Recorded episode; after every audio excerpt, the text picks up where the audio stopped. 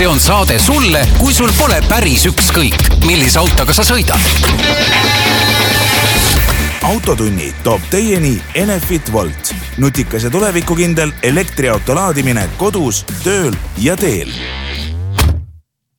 tere kuulajad, Autotund eetris ja muidugi head uut aastat, kahe tuhande kahekümne kolmanda aasta esimene Autotund, stuudios Tarmo Tähepõld, Martin Mets Geenius uudisteportaalist. nii minu mikker vist oli sees. minu oma? ei, nüüd on, nüüd on, ma vaatasin okay., et heeblid olid maas. nii äh,, uuel aastal kohe tehni-, tehnika võõras äh,. räägime siis, äh, mis meil siin meelde on jäänud, et eelmise aasta kokkuvõtteid praegult isegi tegema ei hakka, neid vist me oleme teinud ja, ja kui tuleb mõni hea kokkuvõte, siin tegelikult uudiste pooles isegi on, aga, aga mis meil sellest ütleme siis viimasest nädalast või kahest meelde on jäänud, et jõulude ajal puhkasime.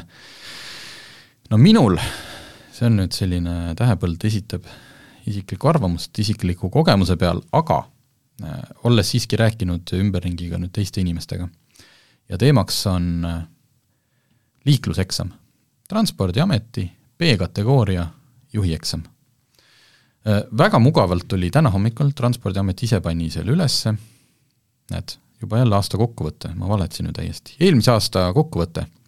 Nad tegid nelikümmend kuus tuhat sõidueksamit, mis on peaaegu kümne tuhande võrra rohkem kaks aastat varem, väga tore. Nad on jõudnud olukorda, kus praegult on põhimõtteliselt sõidueksamite aegu pea igasse linna ühe nädala jooksul. no vot, see on see hetkeseis, sest näiteks äh, kohe see teema, mille ma juurde tulen, üks tuttav inimene ei sooritanud sõidueksamit novembri lõpus ja siis oli küll esimene vaba aeg alles teine jaanuar, mis on äh, kuu, ma ei tea, kas siis viimase kuu ajaga on see muutunud või on see, et jõul, ühesõnaga, see selleks, tore, ma, ma tegelikult usun, et need järjekord on lühemaks jäänud. kas see just nädal on, eks ju, see selgub äh, juba siis, kui keegi paneb aja omale. aga äh, äh, tore on ka see, et esmakordse, esmakordselt läbivad, läbi, sõidueksami läbijate protsent on viiskümmend seitse protsenti, kõik kategooriad kokku. Äh, eelneval aastal oli see viiskümmend neli koma seitse. ehk siis natuke üle poolte saavad kohe esimesel korral läbi. ja kolmas fakt, Transpordiametis on kolmkümmend üheksa eksamineerijat ja eelmise aasta rahulolu eksamineerijatega on seitsekümmend viis koma kaheksa protsenti, mis on aegade kõrgeim tulemus. noh, see võib aegade kõrgeim tulemus olema aga kuhu sa nüüd jõuda tahad? ma tahan jõuda selleni, et see sõidueksam, lubade saamine on inimese jaoks äh, oluline. kõik, kes lähevad, esiteks sa oled pannud sinna tohutult raha. Äh, selles mõttes, vähemalt äh, me tegime siin autokoolide hinnavõrdluse, et sisuliselt kaheksasajast algab, kallimad on seal tuhat nelisada, pluss siis lisasõidutunnid, mida sa võtad sa oled pannud aega, sa oled pannud raha ja sellest sõltub noh, ikka väga palju, kas sa saavutad ütleme siis iseseisvuse või mitte, kas sa võid rooli istuda. nelikümmend kuus tuhat sõidueksamit tehti, kolmkümmend üheksa inimest ja kõik need nelikümmend kuus tuhat inimest äh, see kõlab praegult natuke halvasti, on selle kolmekümne üheksa eksamineerija nii-öelda meelevallas. ma tean äh,, ammu on juba autodes need kaamerad, et kui sul on kahtlus, et sind kukutati läbi põhjuseta, siis sa saad apelleerida, vaadatakse kaamerad üle, äh, võib-olla peaks seda ka küsima, et kui palju, see on hea, nüüd teeme omale mental note'i, seda tuleb uurida, aga tegelikult on seal taustal nüüd siis isikliku kogemusega pereliige äh, tegi äh, esimese sõidueksami novembri lõpus, teise tegi jaanuari alguses ja ta ütles, et kaks täiesti erinevat kogemust ja mina võin väita, et ka tema sõiduõpetaja ütles, et sa oled ammu valmis eksamile minema. ta tegi väga palju sõidutunde lisaks, lihtsalt sellepärast, et olla kindel. me sõitsime koos, mul on need juhendajaload. mina olen väga põdekas kõrvalistmel.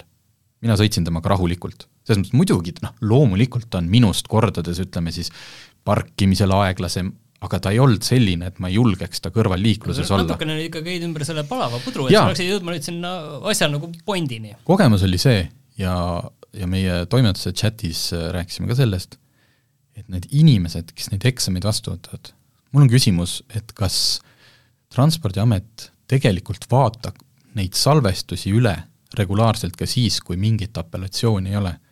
see puhas äh, inimlik käitumine, kuidas, nüüd on küsimus, kes see eksamineerija seal autos on?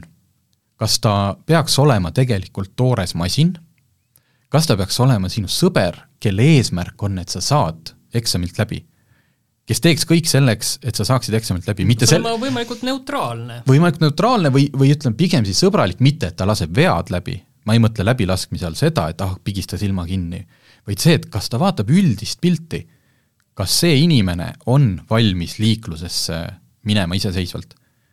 või ta on selline, kelle eesmärk on sealsamas autos olla võimalikult ebameeldiv, võimalikult vastik nagu äh, igat sellist asja kritiseerida, sest need inimesed äh, enamjaolt on, noh ma seisin seal, ma vaatasin, kuidas kell üheksa hommikul kõik läksid eksamitele, sest vanemad meesterahvad, nad ilmselt ei saa arugi, kui pinges need noored ja, ja need, kõik need naisterahvad, see on tohutu pinge. ja kui sina seal autos oled veel nagu eriline tropp, patroniseerid, näiteks kui sul tehakse eksami ajal kriitikat, teemal, et sa, tähendab nii põhi-, tähendab põhimõtteliselt niimoodi aeglaselt nüüd siin äh, ei ole küll vaja sõita, eks ju, et see on põhimõte, vabandust, Transpordiamet ise teeb kampaaniat, aeglaselt on mõnusam, me räägime linnasõidust, mitte maanteel. Sa ei takista mitte kedagi, ka sellel hetkel ei olnud seal läheduses ühtegi autot. eksami tegija, äh, ta ei olnud, sõitis kolmekümne alast, sõitis viiekümne alast, ta ei olnud täpselt sellel hetkel veel kindel, palju sõita võib, ei kiirendanud kohe viiekümneni ja juba nähvati ära ja mitte niimoodi, ja, ja mitte nagu sõbralikult, vaid sellised äh, kuri onu Heino, sa mõtled, mitte kuri, sõbralik? kuri onu Heino. ja mis tähendab seda, et see inimene, kes on nagunii, saad aru, noh, niimoodi närvis, ja Transpordiamet alati raiub, ei, kui ikkagi sõit on selge, siis noh, siis ei ole probleemi, siis saavad kõik läbi. jättes kõrvale selle pinge, millal inimene sinna läheb.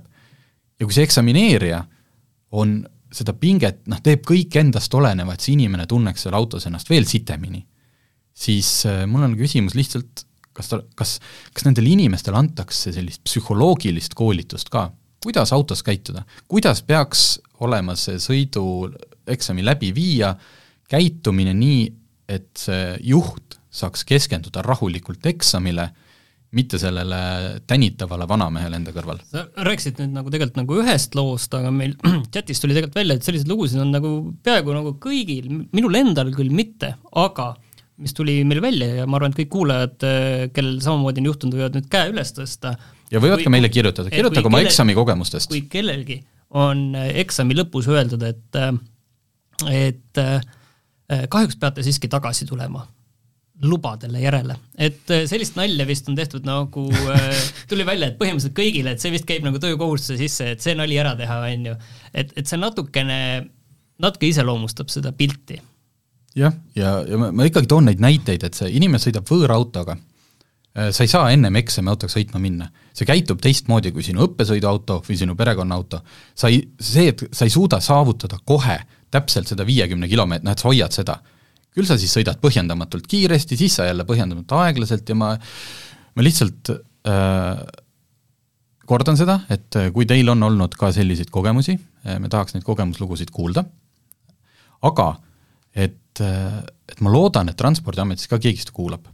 Äh, võib-olla, võib-olla me tõenäoliselt nendega ka räägime sellel teemal ja küsiks just seda, et kas nende õpetajate käitumist, mitte õpetajate, eksamineerijate käitumist seal autos äh, hinnatakse ka niimoodi jooksvalt lihtsalt, jah, siin rahulolu küsitlus seitsekümmend viis koma kaheksa protsenti on rahul. no viiskümmend seitse, viiskümmend seitse, kes läbi saavad, et võib-olla nad ikka on rahul, siis ei hakka pärast, oi, mis ma ei, noh, sain läbi, mis ma enam ikka hakkan seal tänitama, ja kusjuures veel üks asi, et tegelikult äh, ka see, ühesõnaga siis see läbi saanud sõidueksam, et äh, teine, teine eksamineerija oli väga tore olnud, selles mõttes sa tunned, et inimene autos on nagu sinu poolt ta on sõbralik, ta ei taha sulle ära teha, ta ei otsi võimalusi, et noh, kuidas nagu sulle iga hetk midagi öelda.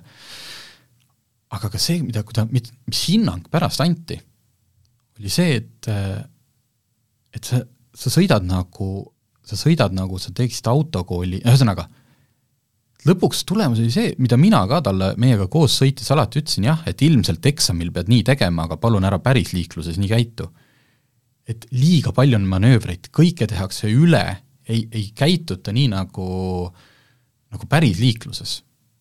noh, näiteks mingil kitsal tänaval inimene püüab teha vasakpööret ja püsida nagu niimoodi täiesti oma suunal, oma suunavööndis, nii nagu on õpetatud, sisuliselt lähed üheksakümne kraadiga. Sorry, see ei ole enamjaolt võimalik. sa lõpetad kas ninaga kõnnitee peal ja siis sa pead keset ristmikku tegema manöövri, kus sa hakkad tagurdama. et, et ka see oli täiesti erinev hinnang, et ja, ja siis see vaene sõidulubade taotleja, ta ei tea kunagi, mis teda sinna, see oli ühe teise tuttavaga rääkisin, kellel oli küll kümme aastat tagasi sama probleem. ta ütles, et ta, ta läks, tal oli selline tunne, et ta läheb tapale. kui ta läks teist korda eksamile, noh, sa oled nagu natuke siin, on nüüd laiaks, aga see meenutab natuke nagu haiglas käiku, et kus sa kunagi ei tea, milline see õde, noh arstid on, arsti sa tegelikult kohtad haiglas olles vähe. aga milline õde sinu valve ajal satub, kui sa oled haiglas? ja see on ikka täiesti nagu kardinaalne, aga ärme sinna pealt lähe. oih, ühesõnaga, et tore, väga tore, et Transpordiameti eksamiajad on lühikesed, seitsekümmend viis koma kaheksa protsenti on eksamineerijatega rahul, aga kakskümmend viis ei ole et äh, kui sa vaatad, et neljakümne kuuest tuhandest kakskümmend viis protsenti on tegelikult äh, päris äh, suur number, mitte inimesi, vaid tegelikult eksamikordi aga.... eksamikordi, just. aga okei okay,, sina nüüd rääkisid sellest, et ma nüüd rahunen natuke, ma võtan vererõhu alla et.... jaa, sa rääkisid lubade saamisest, mina räägin lubade äravõtmisest, et ERR-ist täna, täna oli uudis, et veapunktisüsteem, millest me palju rääkinud siin ja ma arvan, vist viimased kakskümmend aastat on sellest igal pool räägitud, et nüüd ikkagi see vist on praegu igal maha maetud ja, ja milles nagu tegelikult lihtsalt nagu asi on on selles, et äh, ei ole poliitilist kokkuvõtet, kokkulepet. kogu aeg, ja asi on selles, et kogu aeg tulevad valimised. ja, ja, ja valitsused ka vahetuvad, sellepärast et kui see asi nagu käiku läks viimane kord, siis oli mm, majandusminister oli keskerakondlane Taavi Aas, siis nad ei suutnud Reformierakonnaga seda kokku leppida, mõlemad olid koos valitsuses, nad ei suutnud kokku leppida, et kas me teeme selle ära või mitte, MKM tahtis teha. Mm,, reform oli vastu, reformi argumendid äh, iseenesest on isegi nagu arusaadavad, et kogu see asi, noh, üks asi on see, et okei okay,, veel analüüsida oleks vaja, aga noh, see on vist alati, et analüüsida oleks alati vaja rohkem, aga tegelikult on ka see, et et sinna juurde peaks käima väga suur IT-arendus ja tegelikult peaks teistpidi käima sinna juurde ka tegelikult nende veapunkti saajate mingi nõustamissüsteem, et mm -hmm. kuidas siis seda asja nagu parandada ja seal peaks tegelikult mingi tugisüsteem et ära enam riku ja siis äh, ja, mingeid kuidas, koolitusi tegema ja, neile ja kuidas me saame, et kas, et isegi kui see oleks nagu täisautomaatne, siis tegelikult oleks see asi, et kuidagi noh, seal taga peaks olema päris suur IT-süsteem tegelikult, sest neid veapunkte tuleb kogu aeg, mille eest, kuidas neid vaidlustatakse, erinevad süsteemid, et tegelikult noh, see ongi päris keerukas süsteem, aga mis on selge, on see, et lähiajal seda ikka ei tule. Mina ei ole kindel, kas seda on vaja või see, ma isegi ei oska nagu seisukohta võtta, see oleneb täpselt, milline see tuleks, aga, aga jah, tea, selge on see, et ei tule. Jah, et hetkel on ilmselt riigil lihtsalt nii palju noh, ongi, ega endal on ka alati ju ajakirjanikuna mitu mingit lugu on kogu aeg sal-, noh et mis tuleks ära kirjutada, aga veel ei jõua ja siis tuleb mingi uus asi peale. Ja noh, kui me räägime, eks ju, liiklusohutusest, siis äh, kindlasti oleks vaja hetkel, ma ei tea, näiteks järgmine aasta on ju liiklusohtlike kohtade ümberehituseks oli vist Transpordiameti eelarvereal äh, rida null. Et kui praegult keegi hakkaks maksma mingeid sadu tuhandeid veapunktisüsteemi väljaarendamiseks, eks ju, kindlasti pandaks sinna suur silt külge, et see on liiklusohutuse nagu suurendamiseks, siis sellega sõpru, noh, nagunii veapunktiga süsteeme, aga lihtsalt nii, nii lihtne oleks öelda, kuulge, vabandust, et me maanteid ohutuks ei ehita, aga me paneme nüüd mingi X miljonit ühe veapunktisüsteemi IT-arendusse, et äkki prioriteedid mm. -hmm. ERR on tegelikult küsinud ka teiste erakondade käest, et mis nemad sellest asjast arvavad. EKRE on öelnud, et, et nemad ei ole seisukohta kujundanud, Eesti kakssada ütleb, et, et see ei ole liiklusohutuses kõige tähtsam teema nende jaoks ja sotsid ütlevad, et neil pole lihtsalt olnud aega sellega tegeleda ning Isamaa on, et nemad on saanud positiivset tagasisidet sellele, et nende poolest vist nagu võiks teha. et aga noh, nagu see näitabki, täiesti pooleks ja kui see asi on pooleks, siis ilmselt, ilmselt ei hakka seda juhtuma. jah, Äh, sellega siis saab sujuvalt edasi minna, siis üks kokkuvõte ikkagi eelmisest aastast, politsei äh, saatis esmase sellise liiklusaasta kokkuvõtte. Nii palju oli mobiilse kiiruskaamera trahve võrreldes, äh, võrreldes siis aasta varasemaga mind huvi. võrreldes aasta varasemaga, ohoo, isegi on toodud välja. mullu registreerisid kiiruskaamerad kolmsada kuus tuhat viissada viiskümmend kuus kiiruse ületamist. arvestades seda, et meil on umbes siis kuussada tuhat äh, sõitvat autot, et autosid on registris rohkem, aga kuussada tuhat sõitvat autot, siis keskmiselt iga teine auto on saanud äh, trahvi, okei okay,, tegelikult on osad saanud rohkem äh,, aga niiviisi statistiliselt. kaks kolmandikku ehk kakssada kaksteist tuhat nendest siis mobiilsete kiiruskaameratega, vot see oli hea soetus ikkagi politseil. ja, ja ilma irooniata see toimib, mina kardan kogu aeg mobiilset aga, aga lihtsalt see, et äh, seda on äh, üheteist tuhande võrra, noh, peaaegu kaheteist tuhande võrra rohkem kui eelmisel aastal, et tegelikult üsna vähe rohkem. selle mobiilse kiiruskaamera kohta ma lihtsalt tahaks öelda, et minu lemmikkoht jätkuvalt on siis, kui sõidad äh, Tallinnas Lauluväljaku kõrvalt alla ja. mäest, et see on mhm. väga kaunis, äh, kõik teavad, et seal all on kiiruskaamera, äh, väga tihti, kõik on valmis selleks juba, äh, olen ise korra seal trahvi saanud, aga kõik teavad, et see on seal ning samas autod seal kolonnis tulevad ja see, kes kõige esimene seal on ja näeb juba kaamerat, tõmbab plokki seal mäe peal ja siis ülejäänud kõik seal taga proovivad äh, vaadata, et nad kellelegi otsa ei sõida, et see on alati väga närviline koht, isegi kui kõik sõidavad viiekümnega täiesti lubatult mm, -hmm. siis mhm. nii kui esimene näeb, tõmbab plokki, ta sõidab ka viiekümnega, kõik on okei okay,, aga ikka tõmbab kahekümne viie peale just, et ja... äkki, sest et äkki, äkki mul oli vii, mingi viiskümmend seitse, issand, ma pean seda üheksat eurot üle kandma. ei tea, kuidas see kaamera täpselt mõõdab, äkki ja. võtab veel ära, onju.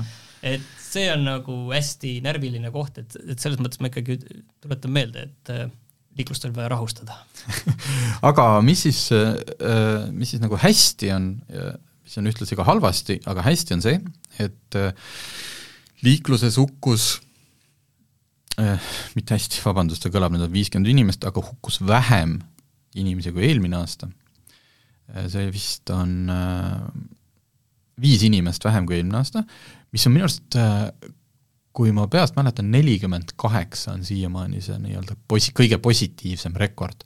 ja mina isegi imestan, et viiskümmend, sest minu arust siin aasta lõpus tuli neid pauke nii palju, ma mõtlesin, et sest siin pärast seda neljakümne kaheksa surmaga aastat kerkis paar korda kohe mingi seitsmekümneni mm. -hmm. ja ma arvasin, et me oleme järjekordselt mingis seitsmekümneses aastas, aga näed, viiskümmend. küll aga registreeriti viga, äh, kannatanuga liiklusõnnetusi rohkem. Äh, kus ühesõnaga vigastada sai tuhat üheksasada kakskümmend inimest ja toodud välja, et suur osa selles kasvus on põhimõtteliselt noh, öeldakse kergliikurid, aga tõenäoliselt ütled kergliikur, mõtled elektritõuks.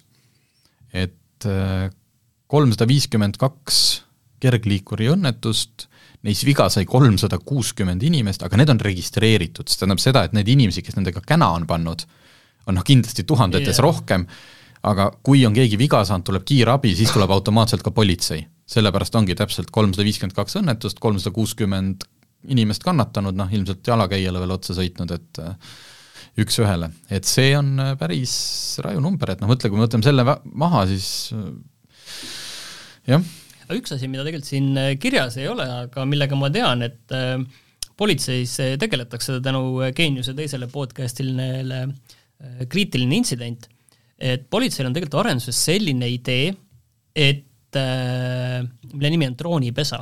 tegelikult kui juhtub mingi liiklusõnnetus, siis lendab kohale droon ja fikseerib seal olukorra ära.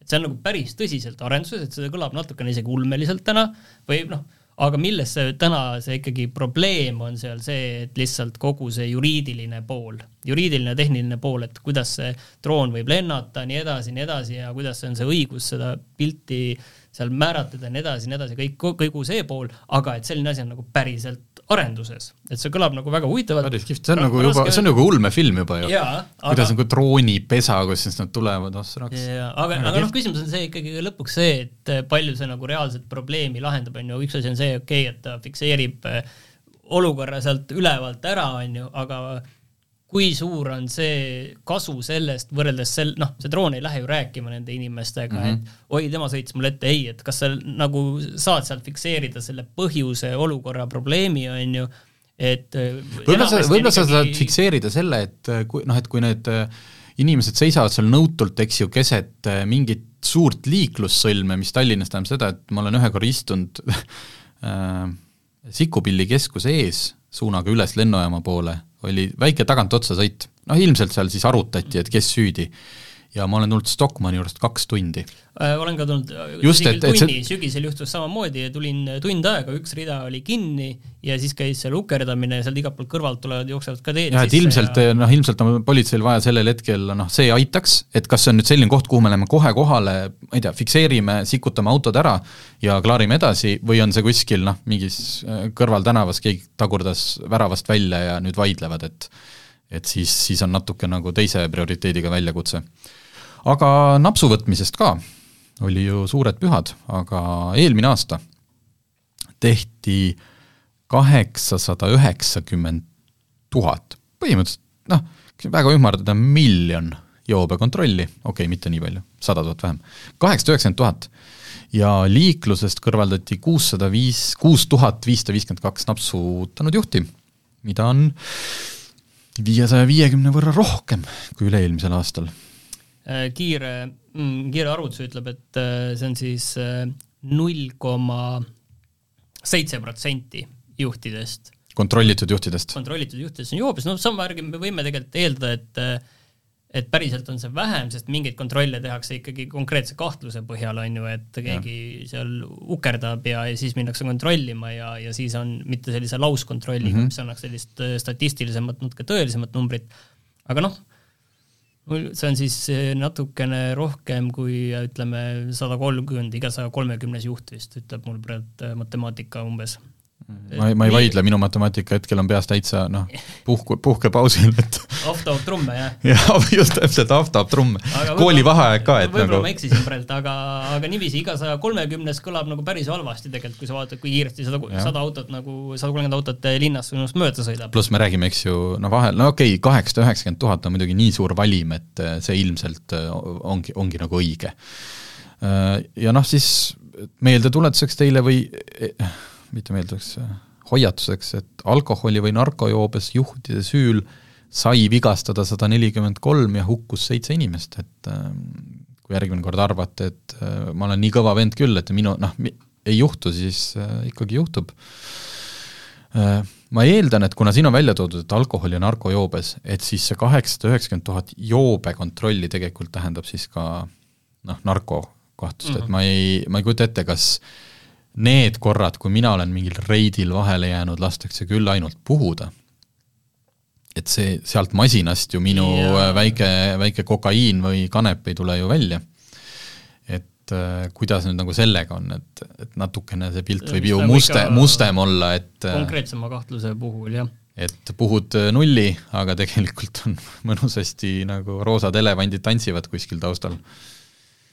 nii äh,, mina ei tea tahaks positiivsetest asjadest rääkida, aga raske, sellepärast et äh, üks legendaarne tüüp suri ära, Ken Block, kes on näinud Gymkhana videosid, siis eile tuli, eile hommikul ärkasime kõik, mis see oli siis, kolmanda jaanuari hommikul, ärkasime niimoodi, et sotsiaalmeedia, noh minul, sest et ma, sotsiaalmeedia koosneb autoinimestest, äh, kõik jagasid, et ripp ja ripp, ja oligi Ken Block rallisõitja, aga noh, ma, ma isegi rallisõitjana, kas oli ta lihtsalt kõige lihtsam nii-öelda loo pealkirjas nimetada, aga tegelikult on tegemist noh, tõelise petrolheadi autohullu ja, ja loomulikult väga hea sõitjaga, kes on saanud tuntuks lihtsalt sellega, et ta sõidab hästi kiiresti külg ees ja, ja ehk siis drift, aga mitte noh, et ta on nüüd nagu maailma drifti meistrivõistluste võitja, vaid ta teeb seda videot, ta teeb seda show mõttes ja ta on selle saavut-, kasvatanud vist aastal kaks tuhat kaheksa, oli esimene Gymkhana treeningvideo. Eh, nii suureks, et tema on selline mees, kes on saanud kinni panna mingit Los Angelese peatänavaid, eh, Londoni kesklinna, et teha seal oma Gymkhana videosid.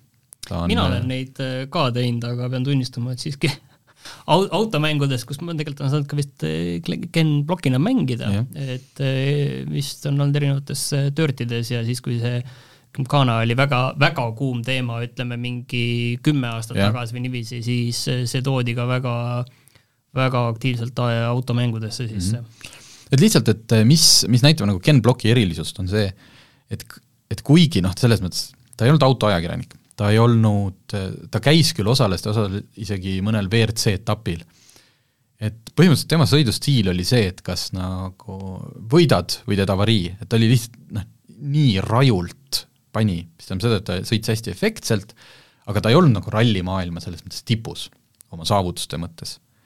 Äh, ühtlasi sai ta tegelikult rikkaks, ta on üks DC Ketsi äh, brändi asutajatest, niisugune äh, showmees, aga pärast seda ta hukkus lumesaani õnnetuses Utah osariigis ja politsei esmane siis hinnang oli see, et et ilmselt siis kas nõlvast üles sõites lihtsalt see lumesaan kuidagi noh, tõenäoliselt pani tea hooga, no täiesti lihtsalt, äh, lumesaan kukkus talle peale. kujutate, tüüp, kes on teinud äh, autoga kõike, noh, selliseid hüppeid üle lennukite, üle, üle asjade ja siis, siis sulle kukub lumesaan pähe. Aga pärast seda, kui tema surmateade tuli, siis äh, kõik autoväljaanded, kõik need, keda mina jälgin, alates Chris Harrisest, Top Gear, Intercooler, Andrew Frankel äh,, kõik, kes noh, mõned neist on väga, kuidas ma ütlen, automaailma mõttes akadeemikud. noh, selline, et auto peab ikkagi niimoodi, et õudselt hästi kurvis püsima ja kelle jaoks võiks tunduda see, mida Ken Block teeb, noh täiesti lollus, et niimoodi nelja minutiga põletad neli setti rehve läbi, et nagu mis, mis, mis kunst selles on, et kõikidel oli temast kirjutada mingi lugu, mingi kohtumine, sest ta oli supersõbralik vend, noh ta oli selline nagu hästi, hästi mõnus, pigem nagu introvert et ta ei olnud selline, et kuigi see, mida ta ekraanil tegi, oli tohutu show, siis äh, inimesena ta ei olnud selline, et noh, lööb jalaga ukse ja, lahti, et suhtes ajakirjandusega vabalt ei olnud probleeme. noh, see kõlab hästi ei, suhtes sõpradega hästi, suhtes kõigiga, keegi just ütles, et äh, keegi kirjutas, et äh, et noh, mingil hästi suurel üritusel tema mitte ei olnud, vist oli üks suur autonäitus, et ta ei olnud seal, noh, ta on olnud erinevate Subaru ja Fordi nii-öelda sponsor äh, all ei suhelnud kuskil VIP lounge'is, eks ju, nende executive tüüpidega, vaid tema istus tavaliselt kuskil äh, mingite tuuninguvendade juures, noh, kelle jaoks oli täielik sündmus, et Ken Block tuli. jaa, mina olen muuseas Ken Blockiga kohanud äh, Goodwood Festival of Speedil, kaks tuhat üheksateist oli tema niisugune siis, äh, oligi nagu kohtumine fännidega, siis natuke seal räägiti, esitati küsimusi ja siis sai igaüks tal minna niimoodi autogrammi võtta ja, ja, ja nägid, oligi, oligi sümpaatne vend, et lihtsalt, et neid õnnetusi juhtub, võidusõitjatega nagu noh, see on kind of nagu oo-, mitte ei oota, vaid see, et kui tuleb mingi, et keegi on kuskil, eh, ma ei tea, motovõistlusel kuskil surma saanud, see on sel-, no selge, noh, see oli tema elu, aga see, et Ken Blockiga nagu see juhtus, see, see lõi nagu automaailmas kõigil ikkagi jalad alt, sest et äh, ei näinud ju seda tulemas nii et äh, minge vaadake siis Ken Blocki mälestuseks äh, Youtube'ist Gymkhana videosid, sest ta on tõeliselt, äh, tõeliselt hea tegija oli. nii, meil on siin natukene aega. Kas sa räägid enda Mercedesest? ma räägin Mercedesest. ma räägin siis vahepeal ühest proovisõidust ka. ma sõitsin see on nüüd natuke keeruline, tegemist oli Mercedes EQS viissada kaheksakümmend, on selle tahaotsa peale kirjutatud ehk siis Mercedese luksuslik elektriauto, mis ei ole iseenesest uudis, sellepärast et äh, me oleme sellisega juba ammu sõitnud, aga sellest on nüüd väljas SUV ehk siis suur linnamaasturi versioon. Ja noh, nimi ongi tegelikult, äh, passis on ta EQS viissada kaheksakümmend, täpselt nagu on ka sedaan. aga siin on lisanimi SUV. hiigelsuur, äh, seal on ka seitse istekohta, proovisõiduautos kahjuks ei olnud, aga noh, ma eeldan, et see kolmas istmerida oli nagu kõigis nendes et täiskasvanud mees sinna noh, kui on sõpradega hea pidu, siis mahub, aga nagu mugavalt ei mahu. hiigelsuur täiselektriline luksusmaastur. Kõlab nagu selline, et noh, et ega ta nüüd rahvaauto ei ole Nende hinnad algavad saja kahekümne viiest tuhandest. proovisõiduauto hind oli sada seitsekümmend üheksa äkki. aga ta on see kõige võimsam versioon. loomulikult varustus, peaaegu kõik varustus oli peal aga äh, kui sellest proovisõidust kaks, äh, kaks järeldust, noh, ma võin pikalt rääkida, eks ju, noh, ta on tohutult kiire, kui sa otse sõidad, no kõik elektriautod on noh, hästi mugav, kõik see hüperscreen ekraan, jälle, seda ei ole vaja, aga see on kihvt, et ta seal on. ja paljud, kes ütlevad, issand, see on nii kirju, lülita välja. esiteks, hüperscreen ekraan ei ole kohustuslik, sa saad võtta sinna ka väiksema, et see, ja teiseks on see, issand, LED-id, see on nagu mingi disko, lülita välja pane ainult valge peale, et see ei ole noh, see, et kui Mercedese praegusele disaini suunale antakse nagu pihta, et need hästi palju neid LED-tulesid, see on, las ta olla, noh, see on nagu feature, see ei ole kohustuslik. Aga kaks asja, mis ma tooks sellest autost välja. Kõrvaga kuulates, ilma kasutamata spetsiaalset tehnikat, on minu arust kõige vaiksem auto, millega ma kunagi sõitnud olen. ja ma olen sõitnud päris palju Bentlidega ja ühe Rolls-Royce'iga. ma tahtsingi küsida, et kes need kes need konkurendid on? sellel autol noh, konkurent, eks ju, on BMW iX, mis on see imeliku näoga suur linnamaastur, millel pole kolmandat istmerea võimalust. Ja ausalt öeldes ega palju ei olegi, et tegelikult ta ikkagi oma hinna ja kõigega piilub pigem sinna Bentley, Bentley klassi, aga Bentley'l ei ole veel täiselektrilist äh, luksusmaasturit ehk et äh, on siis Audi e-tron, aga palju väiksem, palju tavalisem, hinnad algavad seitsmekümne vist kahest või kuuekümne üheksast tuhandest. Äh, tuleb Range Rover täiselektriline, aga alles tuleb, noh, ei ole veel kohal. et äh, selles mõttes EQS, no Tesla Model X, mis on kindlasti, alati kui nendest autodest, noh, ma panin loo üles ja siis hakatakse noh, see, et okei okay,, räägime siis ära, kui palju sellega sõita saab. ideaalis Eh, tehase andmetel saab sellega sõita üle kuuesaja kilomeetri.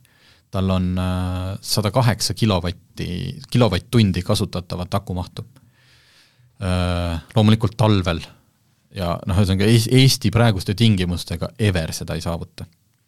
Ja minu sellisel aktiivsel sõidul, see tähendab seda, et ma absoluutselt ei ökotanud, sõitma hakkasin külma akuga, sai ilmselt natuke üle kolmesaja.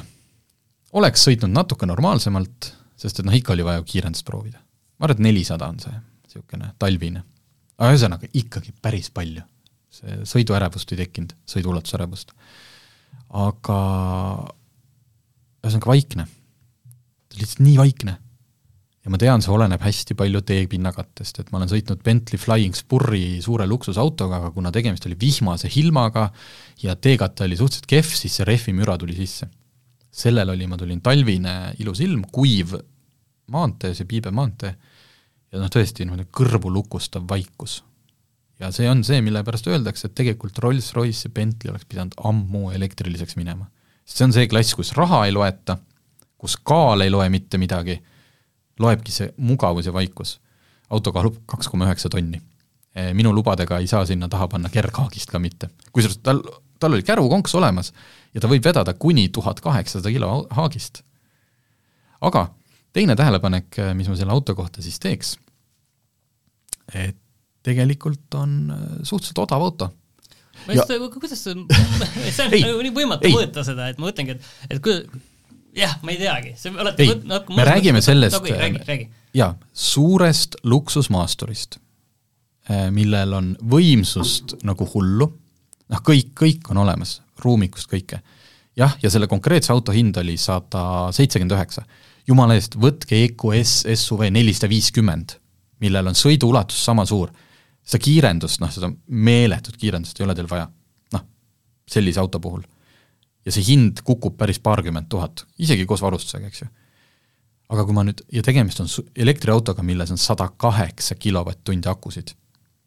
ja kui ma meenutan viimase Merce-, no ühesõnaga, Mercedes S-klass, tavaline see sedaan, bensumootoriga S viissada mis meil testis oli, ka selle hind oli natuke alla saja kaheksakümne tuhande euro.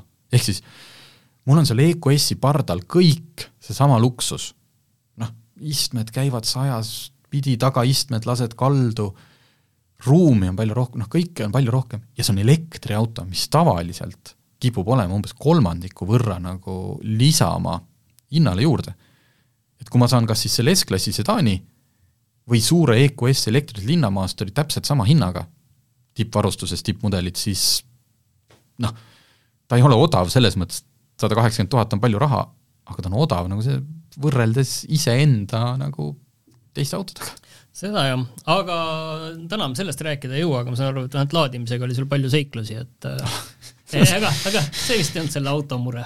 see ei, ei olnud seekord tõesti selle auto mure. vot, aga ärme esimesest aastat siis kohe eetrit täis räägi, meil avati toimetuse all esimene, uus ja ka esimene söögikoht ja meil on lepitud sinna kokku nüüd kollektiivne aasta esimene lõunasöök ja kuuleme siis järgmine nädal jälle. autotunni toob teieni Enefit Volt, nutikas ja tulevikukindel elektriauto laadimine kodus, tööl ja teel